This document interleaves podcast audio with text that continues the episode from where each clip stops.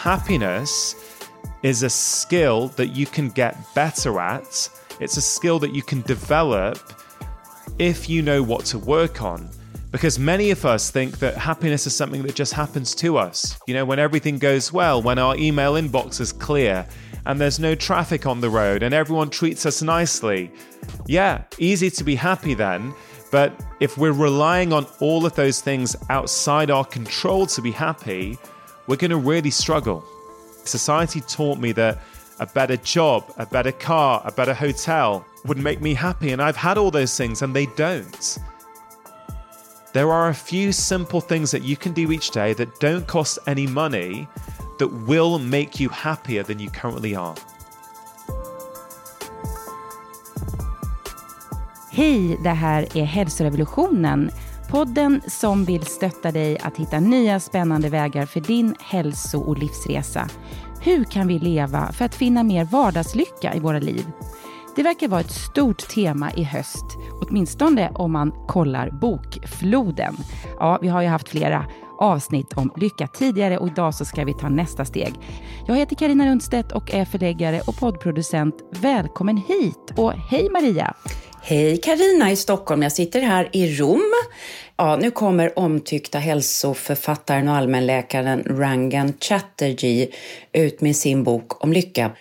Handlar det om mera pengar, högre status, att vara en i andras ögon aktad medborgare? Nej, säger Dr. Chatterjee som gör en stor egen omvärdering i boken kopplat till hur han själv uppfostrades i en indisk läkarfamilj i England och i hans barndom var det väldigt viktigt att ha fin titel, tjäna mycket pengar, vinna tävlingar och ha anseende. Men det här, mm. menar Rangan då, inte gav familjen mer lycka utan bidrog till pappans tidiga död. Så vad är istället riktigt viktigt? Och det ska vi undersöka idag. Mm.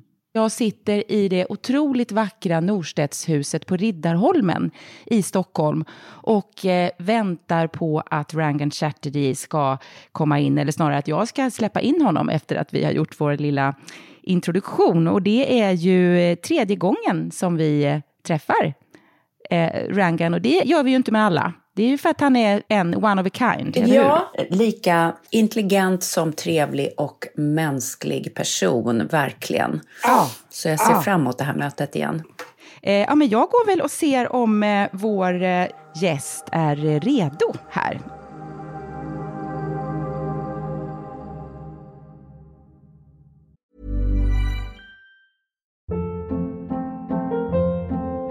Hold up. What was that? Boring. No flavor. That was as bad as those leftovers you ate all week. Keke Palmer here, and it's time to say hello to something fresh and guilt-free. Hello Fresh. Jazz up dinner with pecan-crusted chicken or garlic butter shrimp scampi. Now that's music to my mouth. Hello Fresh. Let's get this dinner party started. Discover all the delicious possibilities at hellofresh.com.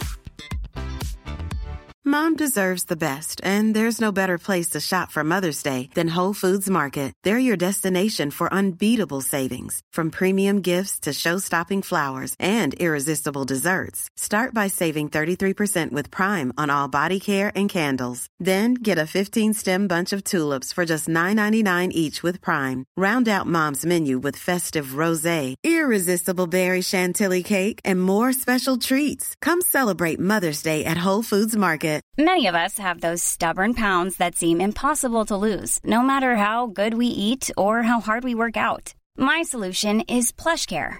PlushCare is a leading telehealth provider with doctors who are there for you day and night to partner with you in your weight loss journey. They can prescribe FDA-approved weight loss medications like Wegovy and Zepbound for those who qualify. Plus, they accept most insurance plans. To get started, visit plushcare.com slash weight loss. That's plushcare.com slash weight loss. Rangan Chatterjee, welcome to Hälsorevolutionen again. It's wonderful to have you. It's the third time. Uh, very few guests have been with us for three times, and um, we love having you. So welcome. Thank you so much. It's it's always fun to speak to you, and I really appreciate you having me on again. Thank you. So, you have an idea in the book that we could help ourselves to get rid of very tiring masks by opening all meetings by describing how we feel in three words. So I was thinking, let's do that today. Um, if you would give this morning three words, what would they be for you today? I think the three words that come for me at the moment are calm, grateful, and peaceful. Wow, you're sounding like a complete uh, guru today. I don't mean to, but that's honestly how I feel these days. I actually genuinely feel in such a good place. Like I feel calm a lot of the time, especially if I compare to the younger version of myself. Even when I was coming to Stockholm for my first book, maybe five years ago, I feel I'm still the same person in many ways, but I'm also very different. I think externally it might appear the same, but internally, I have transformed. I have changed through a lot of the principles I outline in the book.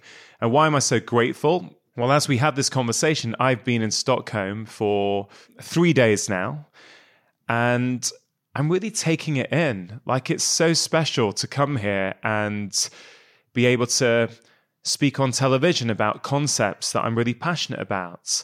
Uh, we did an event in the center of Stockholm on Tuesday night, and there was 540 people there um, in this beautiful old cinema. And I just think, wow, what an incredible life where I get to come to a foreign city in a foreign country and be received by people with smiles on their face and they want to hear what I have to say. So I feel I can take it in today in a way that maybe I couldn't take it in in the past. Mm, mm. Wonderful words. Okay, do you want to hear my words today? Yes, I would love to. Hot. I'm in Rome, grateful and uh, curious about um, our interview. What you're going to say? I mean, I love those three. They they get me thinking straight away. They take me to where you are. You're hot. You're in Rome. It's certainly not hot in Stockholm at the moment, even though I'm wearing a t-shirt. Curious, which is fantastic, and grateful. Why are you grateful? To be alive. Yeah. I think we live in a very difficult world and so many things are happening right now. And I'm just grateful to have yet another day of life. Well, I love that. Thank you. Yeah. Well, uh, Carina, do you have three words for us? Yes, I have. Uh, the first one is tired, uh, and the second one uh, also uh, grateful, and the third one is uh, happy. Yeah. Yeah. So tired because I was out touring with another book, uh, my book, and uh, the train was delayed, so I, I uh, came in quite late. But yeah. but I'm fine. Slept five hours. You shouldn't do that every night, yeah. right? but that's okay. And very uh, grateful for my beautiful sons. And uh, yeah, I met my son this morning, and we had uh, we had coffee, and yeah, he's amazing and uh, just happy because everything is like flowing right now wow. in my personal uh, life and it hasn't the last years. So so but uh, then as maria says there, there, are so many other big things around us uh, which of course make you not so happy. Yeah. Yeah. This is a good fantastic little practice that we have right there that you have suggested in this beautiful book which is full of practical ideas, but also, I think, big uh, frameworks for our thinking. So I'd like to start with you were trained as a doctor, but here in this book, you start talking about health factors that are upstreams from health, such as thoughts and attitudes. How do you mean? You know, I've been a, a doctor now for 22 years, so I've seen tens of thousands of patients. And when a patient comes in to see me, I'm always trying to find the root cause of their problems. I've never been satisfied just to give a pill for a symptom. I've always wanted to know well, why has the patient got the symptom in the first place? And for many years, I have said that 80 to 90% of what we see as doctors is in some way related to our collective modern lifestyles. Okay, now I use those words very carefully. I'm not putting blame on people. I understand that modern life can be very stressful and very tough and very busy. But nonetheless, we have to be honest and say that the way that we are living our lives, or I should say, the way many of us are living our lives, is making many of us sick. And we know that rates of anxiety, depression, autoimmune disease, things like type 2 diabetes, you know, cancer, all these things are growing and going up. And so for many years, I've been trying to help people change their lifestyle by making suggestions and small things that they can do that will make big changes. And we've spoken about some of those things when I've been on your show in the past. But what I would also realize is that some patients would change their lifestyle, they would feel better for a few months, and then they would go back to what they were doing before. I thought this is really interesting. Why are people doing that? It's not a knowledge problem. They've got the knowledge, they've applied the knowledge, they felt better, yet despite that, they go back. And so I observed which of my patients could transform their lives for good rather than just for two or three months. And I observed that actually it was the patients who had a really thoughtful approach to life. It's people who didn't allow external events to overly bother them. They very much felt in charge of what was going to happen to their lives as opposed to being a victim to the world around them.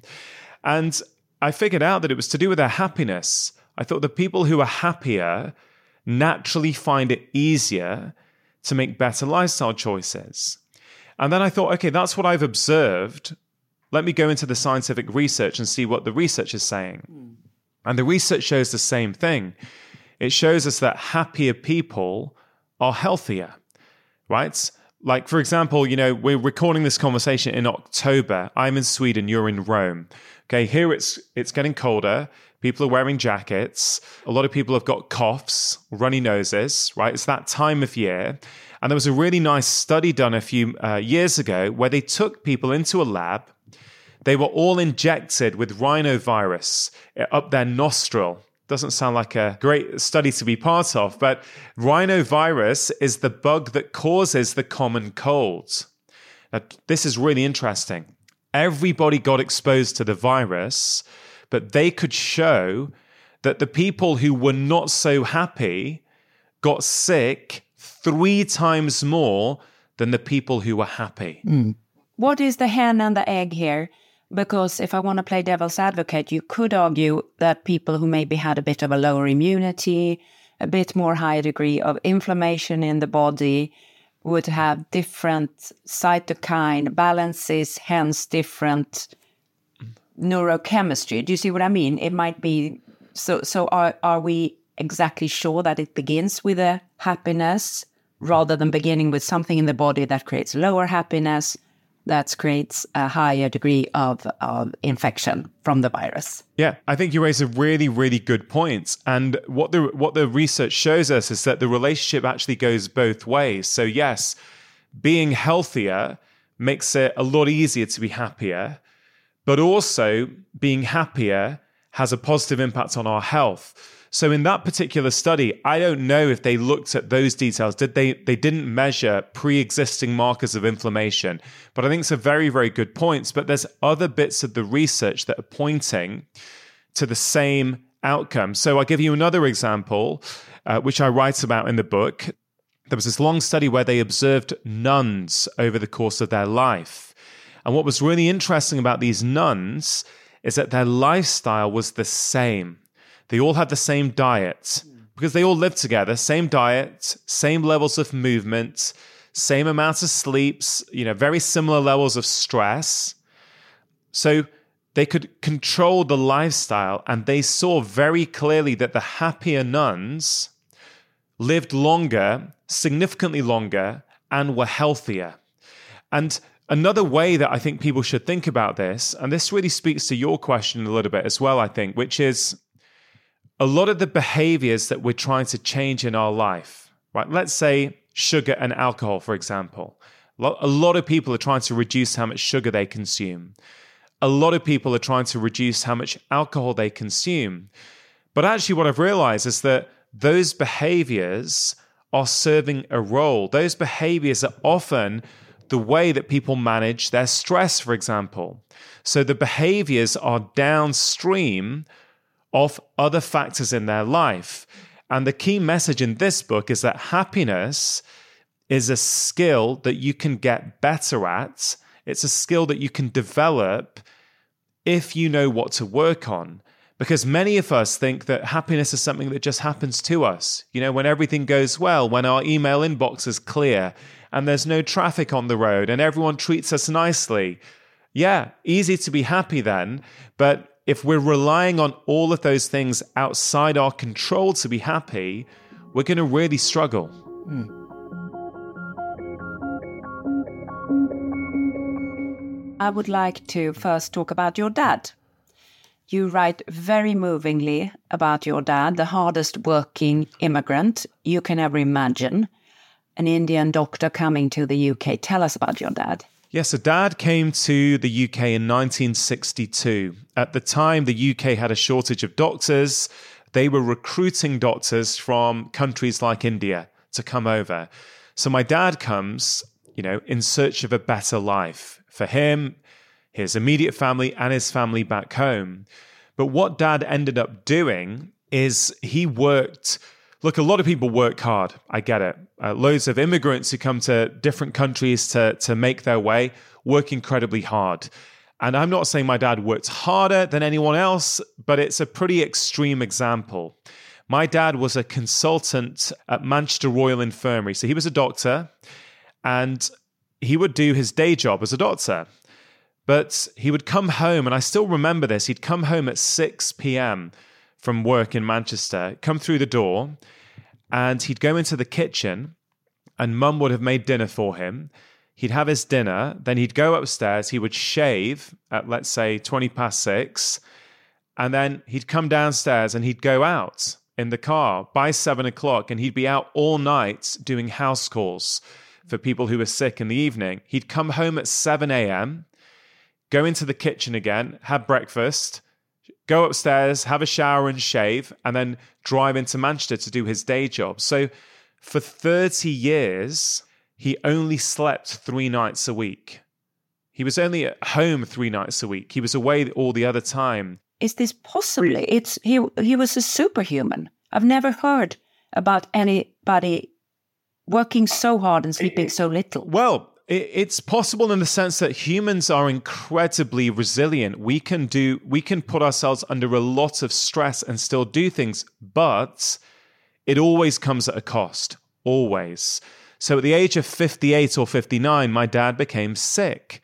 He got the autoimmune disease lupus, his kidneys failed, and he ended up being chained to a kidney dialysis machine three times a week for 15 years until he died about 10 years ago, just over 10 years ago now.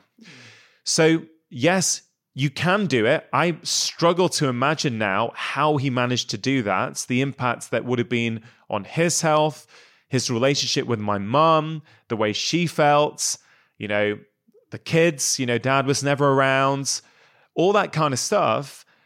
But he paid for it. Like he got sick. And I think the point of that story is that my dad, I believe, confused success with happiness. And I believe that's a mistake many of us make, myself included. I have made that mistake in my career. And I feel through writing this book and through applying all the principles, which are very simple to apply, I think that's one of the reasons I can sit in front of you and give you those three words at the start of this conversation, because I've trained myself to choose happiness stories in almost every situation where possible. And so the thing about dad was is that if dad was alive now, I would love to ask him, was it worth it? Because the truth is, he may say it was. He may say it's not fair of me to say that that was a mistake. Now I perceive it, you know, from my side, you could see he made some choices and there were some consequences. But since I wrote the book, I've been thinking about this and I thought if my dad was alive and I asked him, was it worth it? He may actually say yes. Mm-hmm. He may say, I gave you and your brother a fantastic start in life. Look at what you're doing now.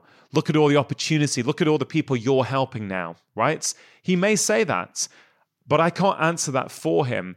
But the point I think that's relevant is I have seen so many patients of mine over the years who think they can keep pushing, keep working through every weekend, staying up late working, not taking their annual leave, We know in the UK, there was a statistic recently that 88% of UK adults have experienced some form of burnout in the past two years. That's a staggering statistic. Chronic stress, chronic sleep deprivation will increase your risk of Alzheimer's, autoimmune disease, heart attack, stroke, all these things, even cancer. And so, how does this relate to a book on happiness? Well, the point is, is that we think and we're conditioned, certainly in the UK, and I think it's the same here in Sweden, that more money, a better job, a nicer holiday is going to bring you happiness. So we push beyond what we can do to try and get those things. And then we get those things, some of us, and we realize, oh, like I'm still not happy. That didn't bring the happiness that I thought it would. And I've had this in my own life. You know, I have all the ticks of societal success. I have five best-selling books now. I host a, you know, a huge podcast that's listened to by 2 million people a week. You know, I've had a TV show. I'm a medical doctor for 22 years. You know, these are all things that society would say, "Oh, you are a success." But until a few years ago, Maria, I wasn't happy. Mm-hmm. Like I felt there was something missing, even though I had all of this success. So I think a very important thing that we can all do is redefine success for us. And that's what the first chapter is about. And can I just share with you my favorite exercise? Because I think all of your listeners would benefit from doing this exercise. Yes, please.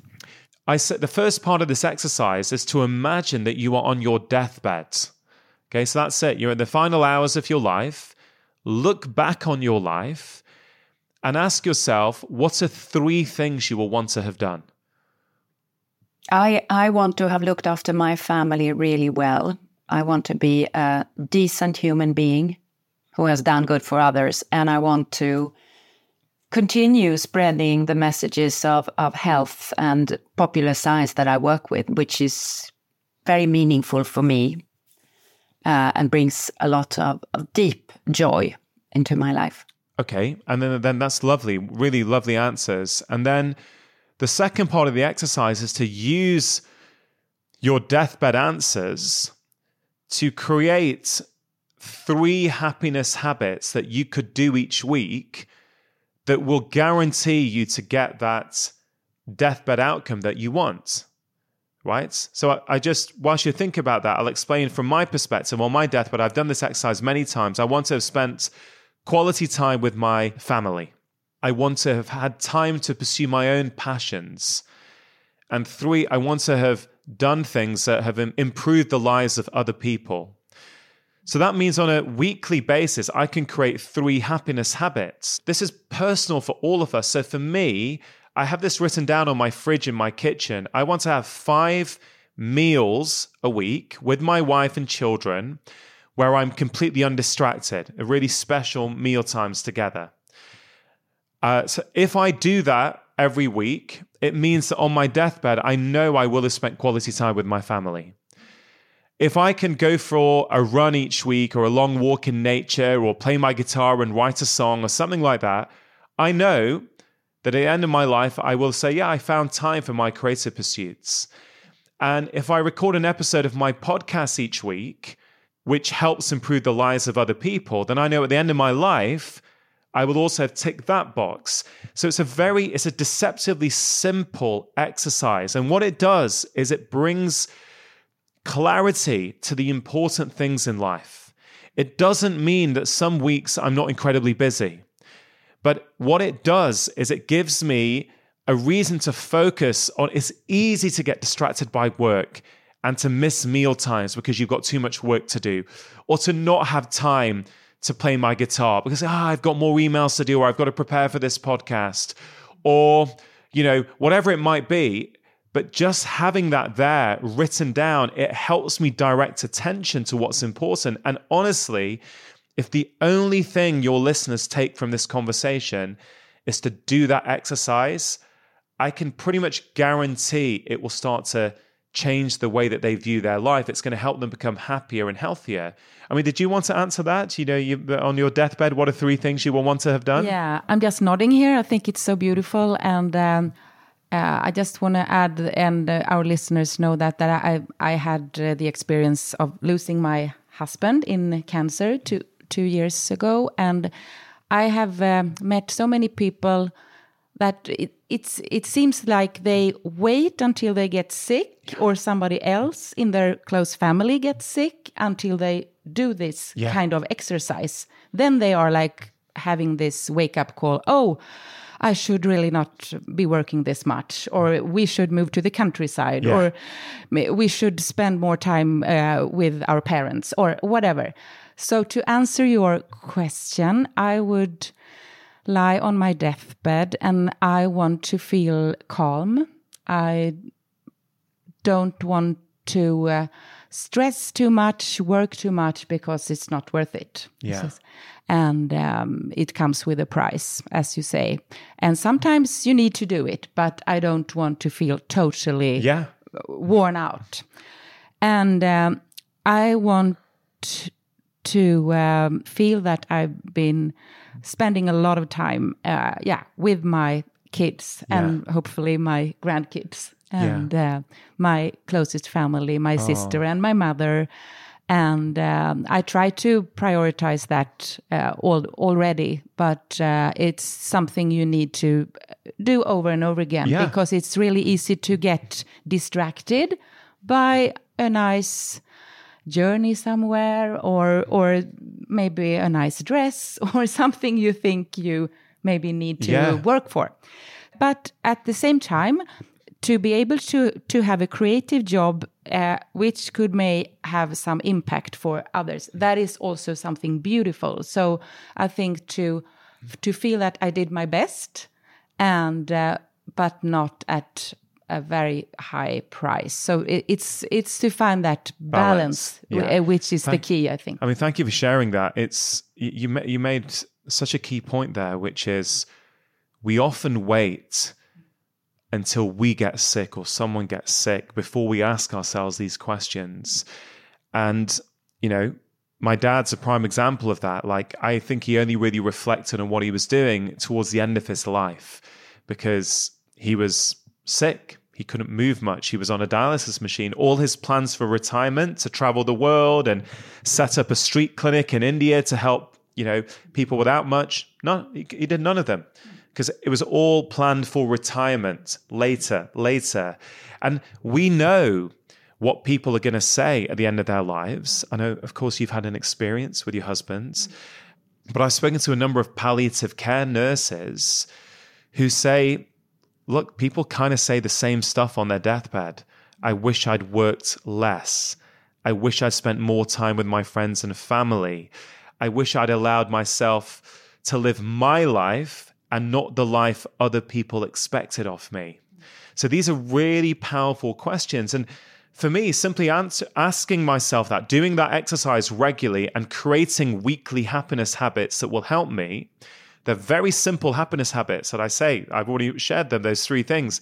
They don't cost any money for me to do. They're very, very simple. And what they allow me to do is make better decisions. So a few months ago, I won't say who the provider was, but a, a, a huge global network offered me the chance to do my own podcast with them. They were going to promote it all around the world, a separate one to my own, my kind of existing podcast. And it was a, you know, very good financial offer. And, you know, it's, it's the sort of thing that would have tempted me a few years ago because of the impact it would have. But honestly, when I looked at it through the lens of these principles that I outline in um, my new book, I thought, I don't want to do it. I've got enough on my plates. Uh, my mum is, she's been pretty sick this year and she only lives five minutes away from me. And I don't think she'll be around in two or three years. I don't want to make myself even busier. I want to spend that time that I would have been recording that new podcast. I'm going to spend it with my mum instead. Now, some people may say, yes, maybe you're in a financial position where you can afford to do that. Yes, and it's true at this stage of my life, I can. But we all can make those kinds of decisions in our own life depending on our individual circumstances if we ask ourselves these big questions. And so, this first chapter really is basically trying to say to people success is not the same thing as happiness. And if you don't take time to ask yourself, what does success mean for you? You may get very, very successful in the wrong things. Mm.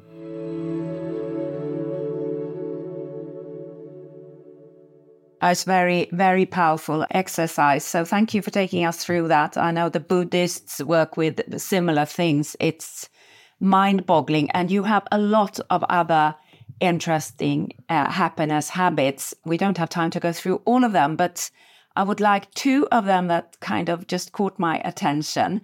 Uh, and the first one was the social gym, which was a very interesting concept. And I think I looked at it because I'm a people pleaser. Uh, so this was a way of de- looking at conflicts we have with other people and what they can do to us. Can you explain the social gym? Sure. I'm glad that that chapter resonated with you. That's my favorite chapter in the book because it's the principles in this chapter, I would say, have changed my life more than anything else. And the whole idea is we understand the physical gym, right? We want to get bigger muscles. So we go and work out in the physical gym, which makes us stronger. But a huge part of the stress we feel in the world comes from the world around us. It comes from our social interactions with other people. Maybe people don't say the things that we want them to say, or our boss sends us an email in a tone that we don't like, or we're driving our car and someone quickly cuts inside of us. And this whole idea is basically you can use the social world as a way to make yourself stronger. So, anytime you encounter something in your social world that you don't like, that person looked at me the wrong way, or that person was rude to me, or whatever it might be, you can reframe that situation to empower you rather than make you a victim to the world, right? It's such a powerful concept when you understand it because it, it basically is that most situations in life are neutral. It's the perspective we put on them that determines whether they have a positive impact on us or a negative impact on us. So let's take an example like I don't know, many people will know the feeling when their boss or someone at work sends them an email in a tone that they don't like, right? So you could take, and I say this compassionately, you could take a victim mindset, which is one off. Um, I can't believe they sent me that email. I've worked at this company for five years. They should respect me more than that. You know, their tone wasn't nice. Sure, that may all be true. But thinking like that doesn't help you. It creates emotional stress and tension in your body. And that emotional stress and tension has to be neutralized in some way. And often you'll neutralize it with another coffee or a chocolate bar or in two glasses of wine when you finish rather than one glass of wine because you have to dissipate that, that, that emotional stress. But we don't realize that we created the stress in the first place by the way we reacted. Now, you could also go, wow, that email, that's not like my boss. I wonder what's going on in their life. Ah, maybe they're having problems in their marriage, so they're not quite paying attention. Maybe their seven year old daughter was up last night with earache, so they're really, really tired. Maybe my boss's boss is putting them under pressure and they're taking it out on me it doesn't actually matter what the truth is for your happiness. What matters is the story you place onto it. Now, people will then say, yeah, but I shouldn't tolerate a rude email from my boss. I'm not saying we should. What I'm saying is, if you don't get emotionally triggered by it, not only do you help yourself by not creating stress, you can also better manage that situation, right? You can then have a chat with your boss the next day, calmly say, hey, you know, that email you sent me, it came across as um, quite direct. Uh, some people may interpret that as being rude. Is everything okay? And they, and rather than I can't believe you sent me that email. You should treat me. You know, it's the same thing if we're interacting with our partner. If we're getting emotionally triggered by everything, it never leads to good outcomes. And I tell you, when people think they can't do this, right? Arguably, the most powerful conversation I've ever had on my podcast was about two years ago with a lady called Edith Eger. Now, Edith Eger, when I spoke to her, was 93 years old, right? And she was full of love, compassion, and forgiveness, which is remarkable when you consider her life. At the age of 16, she was in Eastern Europe getting ready for a date with her boyfriend that night. And her family got a knock on their door. And her, her sister, and her parents were put on a train to Auschwitz concentration camp. Within two hours of getting there, both of her parents were murdered. Right? She's a 16 year old girl. Later that day, she got asked, because she's a dancer, she was asked to dance for the senior prison guards. And she said to me, Dr. Chatterjee, I never forgot the last thing my mother said to me, which was, Edith, nobody can ever take from you the contents that you put inside your mind. So she said, when I was dancing in Auschwitz, I was not in Auschwitz. In my mind, I was in Budapest Opera House. I had a beautiful dress on. The orchestra was playing. There was a full crowd. So in her mind, she was in a completely different place. And I thought that's quite powerful. Then she said, while she was in Auschwitz, the prison guards, she started to see them as the prisoners. They were not free. Edith said, In my mind, I was free. They weren't free. I thought this is truly incredible. And the last thing she said to me was, I have lived in Auschwitz, and I can tell you the greatest prison you will ever live inside is the prison you create inside your own mind.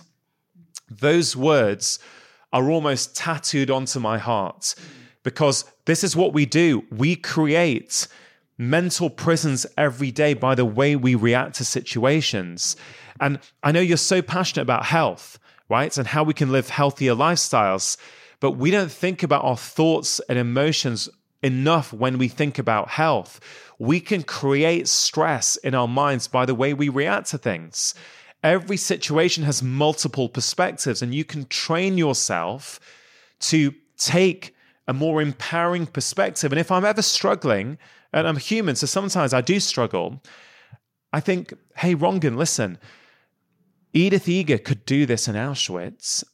You can probably do that in your own life. So I use her as inspiration to reframe things. And a few years ago, I couldn't do it in the moment. I would have to reflect in the evening, go, oh, wow, I got really triggered in that situation. Oh, I reacted there. Why did I react? Oh, I've got an insecurity about that. That triggered my own insecurity.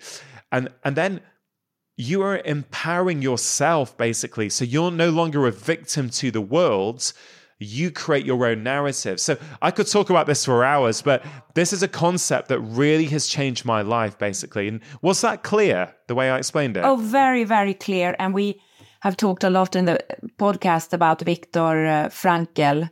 Uh, who uh, yeah. who um, not as eloquently or more from a philosopher's point of view, but a beautiful. I need to listen to that podcast. It sounds absolutely. I, I was not honestly. I was not the same person at the end of that conversation. I went into my studio a certain way.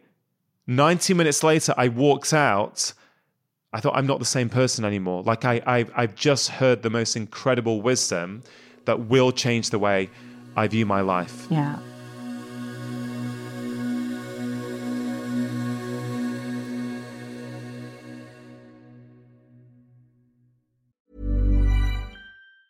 When you're ready to pop the question, the last thing you want to do is second guess the ring.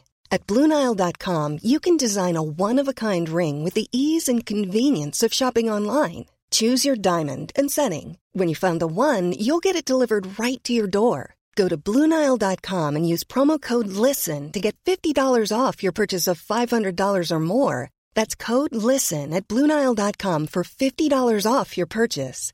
Bluenile.com code LISTEN. Ever catch yourself eating the same flavorless dinner three days in a row? Dreaming of something better? Well, HelloFresh is your guilt free dream come true, baby. It's me, Keke Palmer. Let's wake up those taste buds with hot, juicy pecan crusted chicken or garlic butter shrimp scampi. Mm. Hello Fresh. Stop dreaming of all the delicious possibilities and dig in at HelloFresh.com. Let's get this dinner party started. Why don't more infant formula companies use organic, grass fed whole milk instead of skim? Why don't more infant formula companies use the latest breast milk science? Why don't more infant formula companies run their own clinical trials? Why don't more infant formula companies use more of the proteins found in breast milk? Why don't more infant formula companies have their own factories instead of outsourcing their manufacturing? We wondered the same thing. So we made ByHeart, a better formula for formula. Learn more at byheart.com. I cannot stop thinking when I hear you, Rangan, that uh, your your background with the Indian culture, with yeah. you know, the Ayurvedic thinking about the very integrated mind, body, soul uh, kind of percolates in your thinking. Um, uh, because I've spent a lot of time in India, and it's beautiful to hear. Um, I think you have you have a great mission here also with Western doctors. So how do they react when you start talking about the mind being a, a potential prison or a potential liberator upstreams affecting our health. What do you meet when you talk to fellow doctors?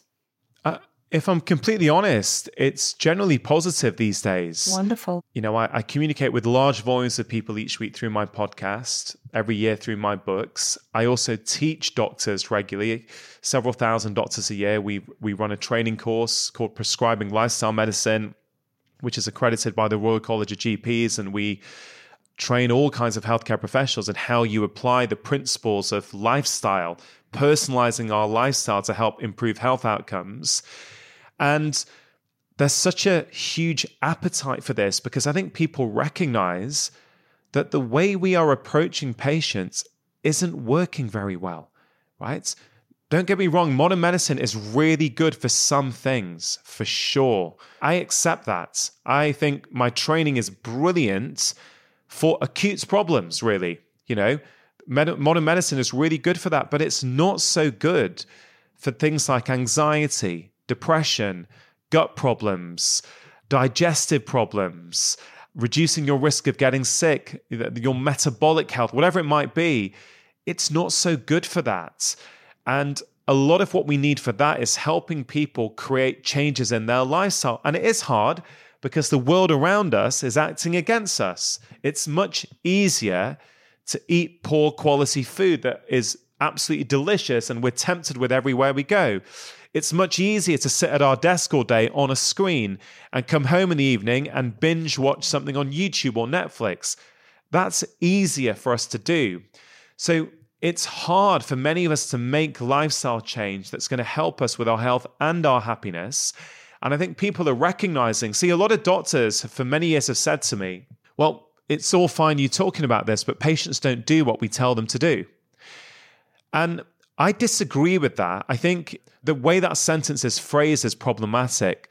Patients don't do what we tell them to do. Well, I've never told a patient to do anything because I don't believe I have the right to tell another human being what they should do.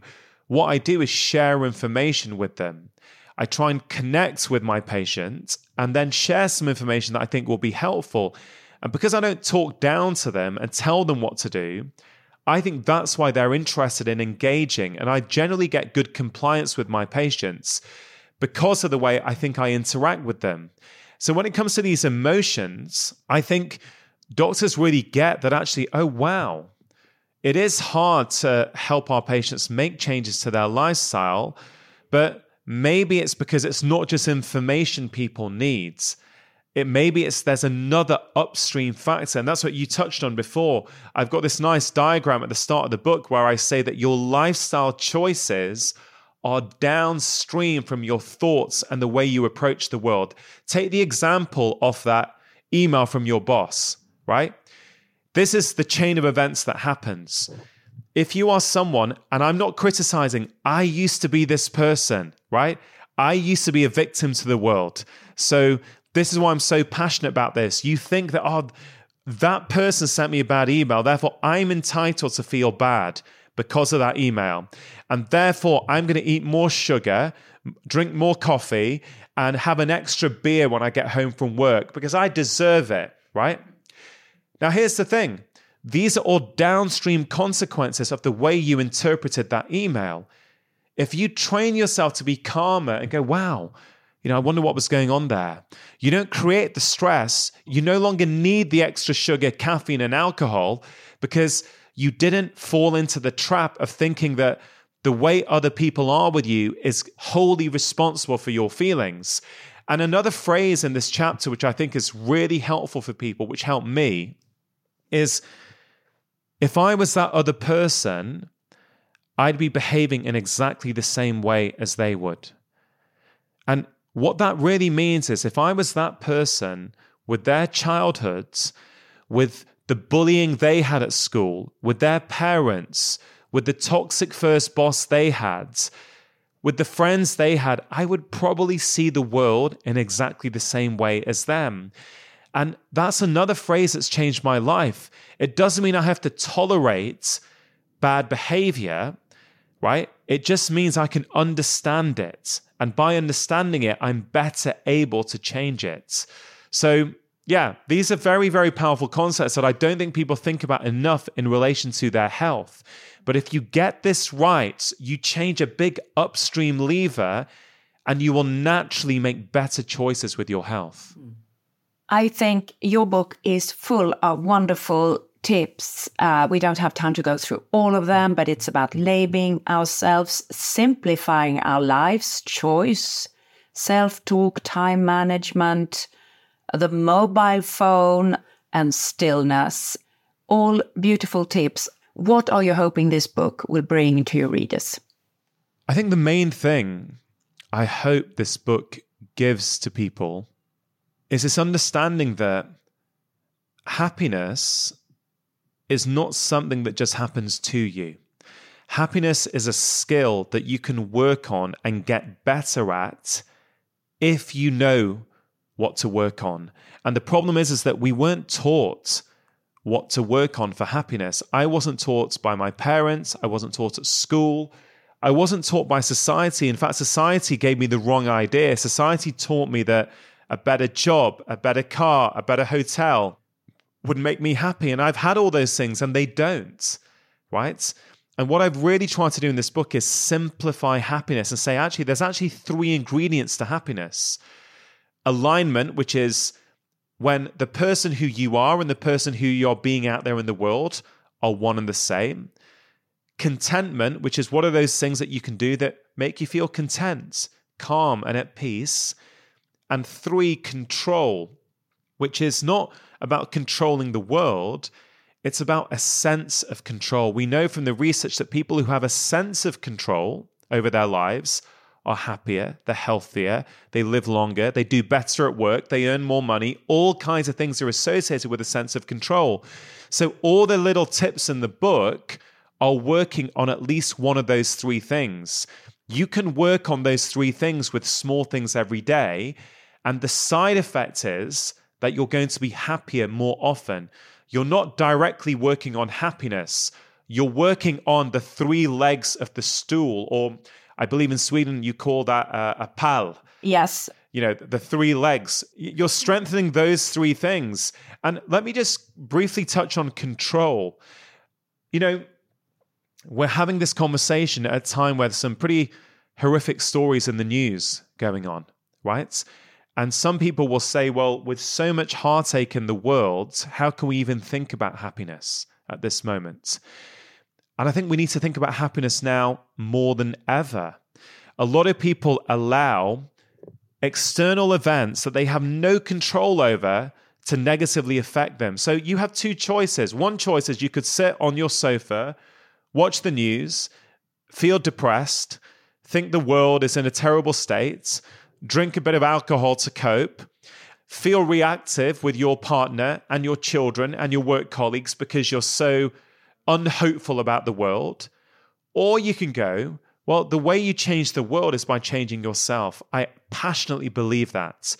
And you can go, okay, I can't control that, but what can I do each day that gives me a sense of control? Right. So I have a little morning routine I do each day, which I write about in the book, which doesn't take me long, and it grounds me. It means that even if I have a busy day at work, or even if there are some horrific stories on the news, I've done something small and predictable each day that gives me a sense of control. And that little routine and ritual I have each morning is me working on the control leg of the stool, which over time is making me happier.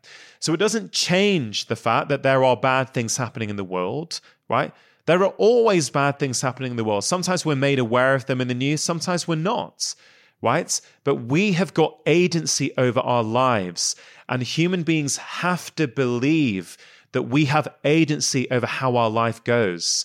And so the whole book really is about showing the reader it doesn't matter what's going on in your life. It doesn't matter how hard things are. It doesn't matter what's going on in the world.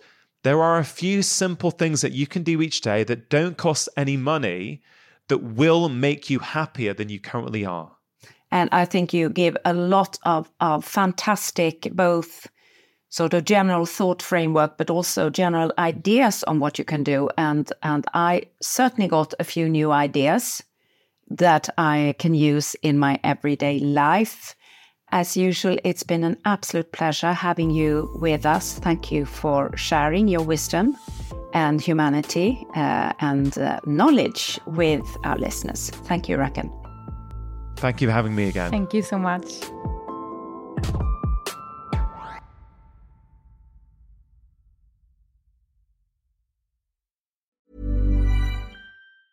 Ever catch yourself eating the same flavorless dinner three days in a row? Dreaming of something better? Well, HelloFresh is your guilt free dream come true, baby. It's me, Keke Palmer. Let's wake up those taste buds with hot, juicy pecan crusted chicken or garlic butter shrimp scampi. Mm. Hello Fresh. Stop dreaming of all the delicious possibilities and dig in at HelloFresh.com. Let's get this dinner party started. Why don't more infant formula companies use organic, grass fed whole milk instead of skim? Why don't more infant formula companies use the latest breast milk science? Why don't more infant formula companies run their own clinical trials? Why don't more infant formula companies use more of the proteins found in breast milk? Why don't more infant formula companies have their own factories instead of outsourcing their manufacturing? We wondered the same thing. So we made ByHeart, a better formula for formula. Learn more at byheart.com. Planning for your next trip?